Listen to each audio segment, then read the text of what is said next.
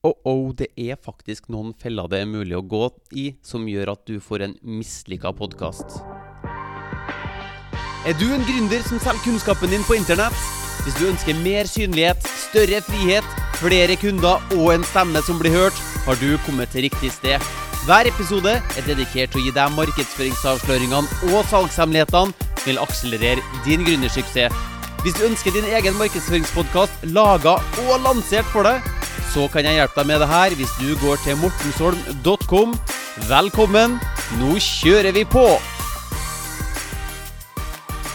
Etter å ha hjulpet norske gründere med å starte og lansere podkastene sine i en eh, lang stund nå, har jeg sett både gründere som prøver seg på egen hånd og lanserer podkast eh, sånn helt på egne bein. Og jeg har sett folk eh, få hjelp. Men summa summarum så er det fire kjennetegn på en mislykka podkast. Så la oss gå gjennom de fire kjennetegnene her nå, for å se om det er noe du kan gjøre for å unngå å gå i de her fellene. Det første problemet, eller det første kjennetegnet på en mislykka podkast, er uh, Det er faktisk veldig mange som ikke ender opp med å få lansert podkasten sin fordi at det kan være en uh, teknisk uh, barriere, f.eks. Så hvis du nå prøver å finne ut av alt det her med podkasting på egen hånd, så hvordan kunne du vite at Spotify avviser podkasten din hvis du bruker det vanlige M4A-filformatet som mange bruker når man lager lydfiler? Da vil ikke Spotify ha podkasten din. Eller hvordan kunne du ha visst at uh, Apple Podcast avviser dem, hiver deg ut av Apple Podcast hvis ikke ditt forsidebilde er formatert på, på, riktig måte? Altså Det er en del sånne ting som um, man må gjøre en del research da, for å passe på å ikke gå i de fellene her. Så dersom du ønsker å bruke masse tid på prøving, feiling og investere uker, måneder, jeg håper ikke år, på å få din podkast lansert, så er det fullt mulig å gjøre det. Men mitt beste råd er å prøve å korte ned den tida her og eliminere så mye frustrasjon som overhodet mulig med å finne en eller annen prosess som, eh, som gjør det enkelt for deg da, å faktisk få podkasten din eh, lansert, kjære deg. Det andre problemet, det andre kjennetegnet på en mislykka podkast, er at det ikke er noe innholdsmarkedsføringsplan. Eh, kanskje har du liksom våknet en dag og tenkt 'yes, nå skal jeg ha en podkast, jeg er klar', og så går du løs og trykker record, og så begynner du å bable i vei uten å ha noe særlig eh, mål og mening eller strategi eh, bak det. For eh, hvem som helst kan liksom komme opp med fem episodeideer, men også hva skjer etter det? Det kan være lurt å ha en innholdsmarkedsføringsplan, så la meg bare spasere deg gjennom en sånn veldig kjapp, uh, overordna plan her nå. La oss dele det i La oss eh, dele din innholdsmarkedsføringsplan i tre, da, f.eks. På den ene sida må du ha lett oppdagelige episoder. For det, eh, det kan være at folk går inn i podkastavspilleren og søker på et eller annet problem. Så da kan du ha lettoppdagelige episoder som f.eks.: Hva er innholdsmarkedsføring? Hint, hint. Det var vel forrige episode av denne podkasten her. For det er faktisk noe som folk søker på. Og da kan folk oppdage podkasten din på den måten. Så det er liksom første pilaren, da. Det andre er mer sånn tillitsbyggende episoder, hvor du da um, demonstrerer kom kompetansen din, viser fram ekspertisen din med å løse problemer for, uh, for, andre. Så har du en tredje pilar her også, da, med um, mer sånn salgsfremmende, hvor du forteller historier for å overkomme uh, eller overvinne en del motforestillinger folk kanskje måtte ha mot å kjøpe ditt produkt. Kanskje er de Uh, tror de at de ikke er altså Kanskje de tror de er for, for, gammel eller for ung eller for tynn eller for tjukk til å bruke ditt produkt, ikke vet jeg, men at du da forteller historier om her er den uh, gamle dama som også hadde suksess med ditt produkt, så det spiller ingen rolle om du er gammel eller ung for å ha suksess med det her. da, så bare for å gjenta den superkorte introduksjonen til innholdsmarkedsføring der, da. Ha episoder som er lett oppdagelig. Ha episoder hvor du bygger tillit og viser ekspertise. Og det tredje da er å ha episoder som er ment til å konvertere folk inn i en salgsprosess med å måtte komme i forkjøpet på eh, motargumenter folk må ha. da. Så de to første kjennetegnene på en mislykka podkast er for det første at det er tekniske problemer som du ikke, kanskje ikke er rusta til å stå i, med mindre du bruker masse tid på det. Og det andre er at du ikke har noen innholdsmarkedsføringsplan. Og da kommer vi til tredje punktet på en uh, mislykka podkast, og det er at det ikke er noe søkemotoroptimalisering i det hele tatt. Noe som kan gjøre, uh, gjøre det vanskelig for nye lyttere, da, eller fremmedfolk, å finne i din podkast. For um, podkastavspillere er jo, som jeg var inne på, det er en søkemotor, det også. Så hvis uh, Ja, min podkast kunne også het uh, eh, Innholdsmarkedsføringspodkasten, ikke sant? For da kunne det ha vært en ting som folk søker på, er innholdsmarkedsføring.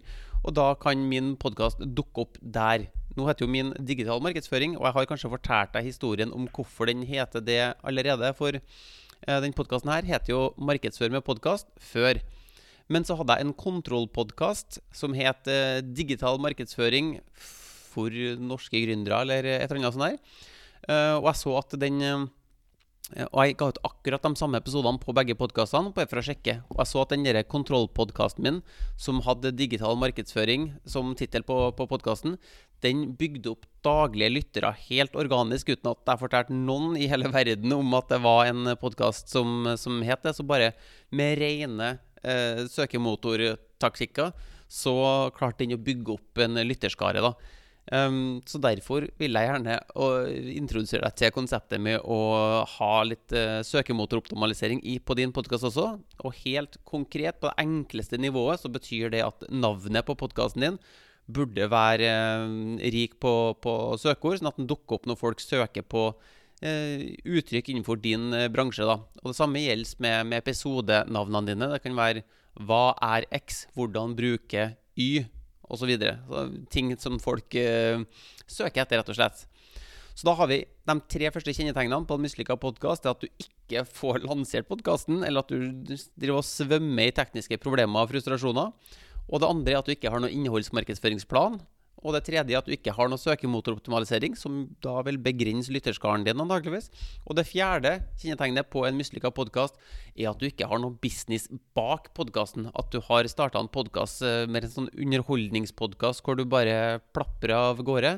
Men du burde ha en salgsprosess. Eh, du burde ha noen produkter eller tjenester som du da kan promotere med denne podkasten eh, din.